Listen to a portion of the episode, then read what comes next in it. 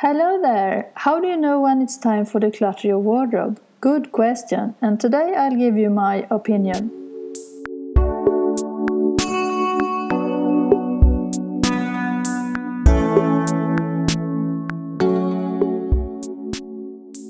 Welcome to Design the Simple Life, and if you're here for the first time, I'm your host Ylva, and my mission is to inspire and coach you into a simple lifestyle. I'm happy you're here, and let's get started. So, today's topic is when is it time to begin to declutter your wardrobe? The simple answer for that is that I don't know, but I can give you some advice which I think is doable. Early in my life, I worked in a big fashion company, and as you can understand, I had a huge wardrobe. Why? Because I love clothes and how you can change your outfits to look different every day.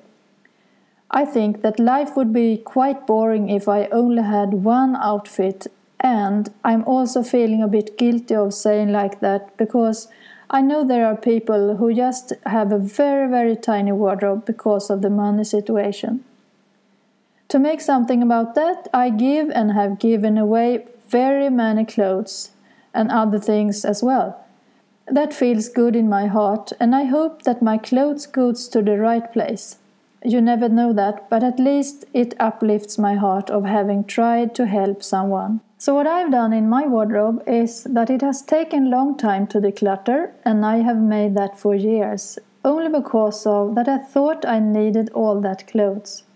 As you can imagine, that wasn't true. I really don't need so much clothes in my wardrobe, and nowadays I have better control over which clothes can match each other. I have tried to eliminate the clothes that were patterned and I prefer to go for the solid color clothes instead. I have just a few clothes with pattern and as I'm quite small I only own pattern with small size. I don't fit well in a jumper with big pattern.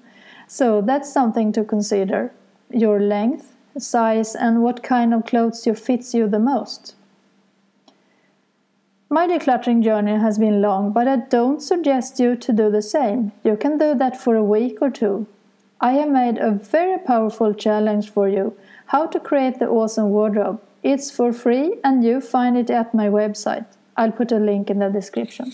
So, my opinion is that when you look into your wardrobe in the morning and you find nothing to wear because there are too much or there are too many clothes, that doesn't match each other, I suggest you to start to declutter. Listen here. If you take, for example, all your t shirts and put them on your bed and you find that there are too many, it's time to declutter. And what is too many then? Well, if you can sort them in colors, you'll find how many you have in each color, and then you can decide how many you really need. Maybe you'll be surprised of how many white t-shirts you have.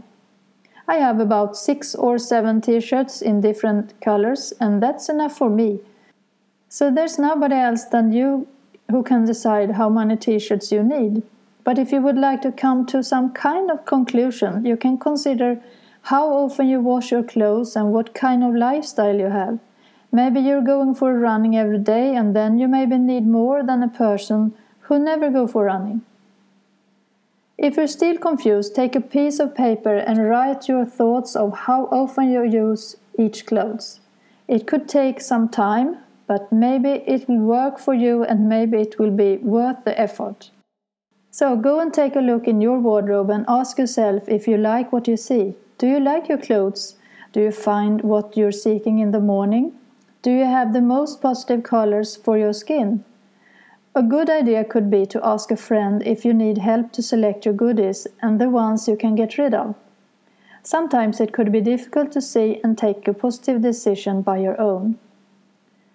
When you're satisfied with your wardrobe, life is so much funnier and you'll feel comfortable in your daily clothes. I hope that you have got some inspiration to declutter your wardrobe, and once again, if you need help, go to my website and grab your freebie. How to create the awesome wardrobe. You'll find the link in the description down below. Don't forget to subscribe to Design the Simple Life so that you'll get notification for the upcoming episodes. And please leave me a review in iTunes if you would like to support me and my company. Thank you so much in advance. And if you have a question for me, simply go to my Instagram account, Ylva Maria Design, and send me a message or an email at info at ylvamariadesign.se. You'll also find my email address at my website. Have a very nice day and good luck with your wardrobe. See you soon.